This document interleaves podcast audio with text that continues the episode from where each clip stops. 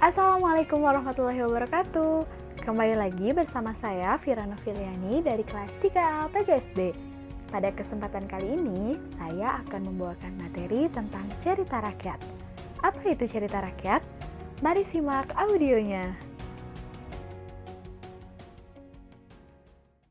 Cerita rakyat. Cerita rakyat merupakan cerita yang berasal dari masyarakat dan berkembang dalam masyarakat pada masa lampau yang menjadi ciri khas setiap bangsa yang mempunyai kultur budaya yang beraneka ragam. Cerita rakyat mencakup kekayaan budaya dan sejarah yang dimiliki oleh masing-masing bangsa.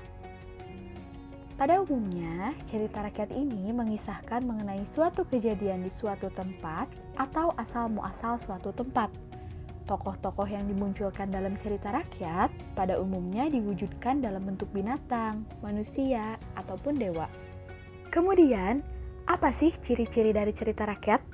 Cerita rakyat ini disampaikan secara lisan, disampaikan secara turun-temurun, dan tidak diketahui siapa yang pertama kali membuatnya.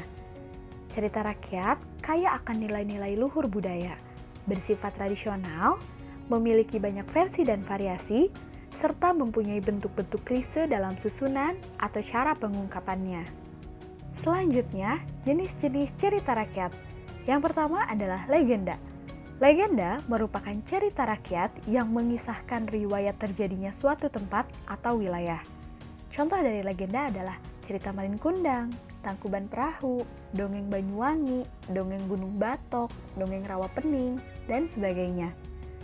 Yang kedua adalah sage Sage merupakan cerita rakyat yang didasarkan peristiwa sejarah bercampur dengan fantasi rakyat.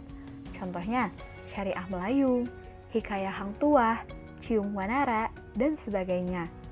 Yang ketiga adalah mitos. Mitos merupakan cerita rakyat yang berhubungan dengan kepercayaan terhadap suatu benda yang dipercaya benda goib. Contohnya, Nyi Roro Kidul, Jakataru, dan sebagainya. Yang keempat adalah fabel Fabel merupakan cerita rakyat yang menokohkan binatang sebagai lambang pengajaran moral. Contoh dari fabel yang terkenal adalah cerita si kancil yang cerdik, kancil dan buaya, juga hikayat Kalila, dan masih banyak lagi. Yang kelima adalah paralel. Paralel merupakan cerita rakyat yang tokohnya adalah manusia dan hewan. Contohnya, anjing yang loba, semut dan belalang, hikayah Mahabharata, hikayah Ramayana, dan masih banyak lagi. Yang keenam, jenaka.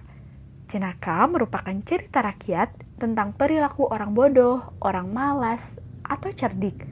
Masing-masing tokoh dilukiskan secara humoris. Contohnya, Lebay Malang, Pak Kodok, Pak Pender, Pak Belalang, dan masih banyak lagi. Yang ketujuh, cerita terbingkai. Cerita terbingkai merupakan cerita yang di dalamnya ada cerita lagi.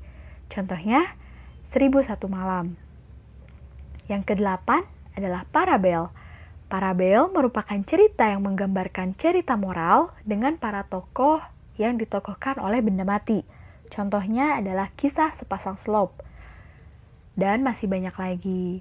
Jadi, ada banyak cerita di dunia ini yang termasuk ke dalam cerita rakyat. Teman-teman, sudah ada yang pernah mendengarkan cerita rakyat yang tadi sudah disebutkan?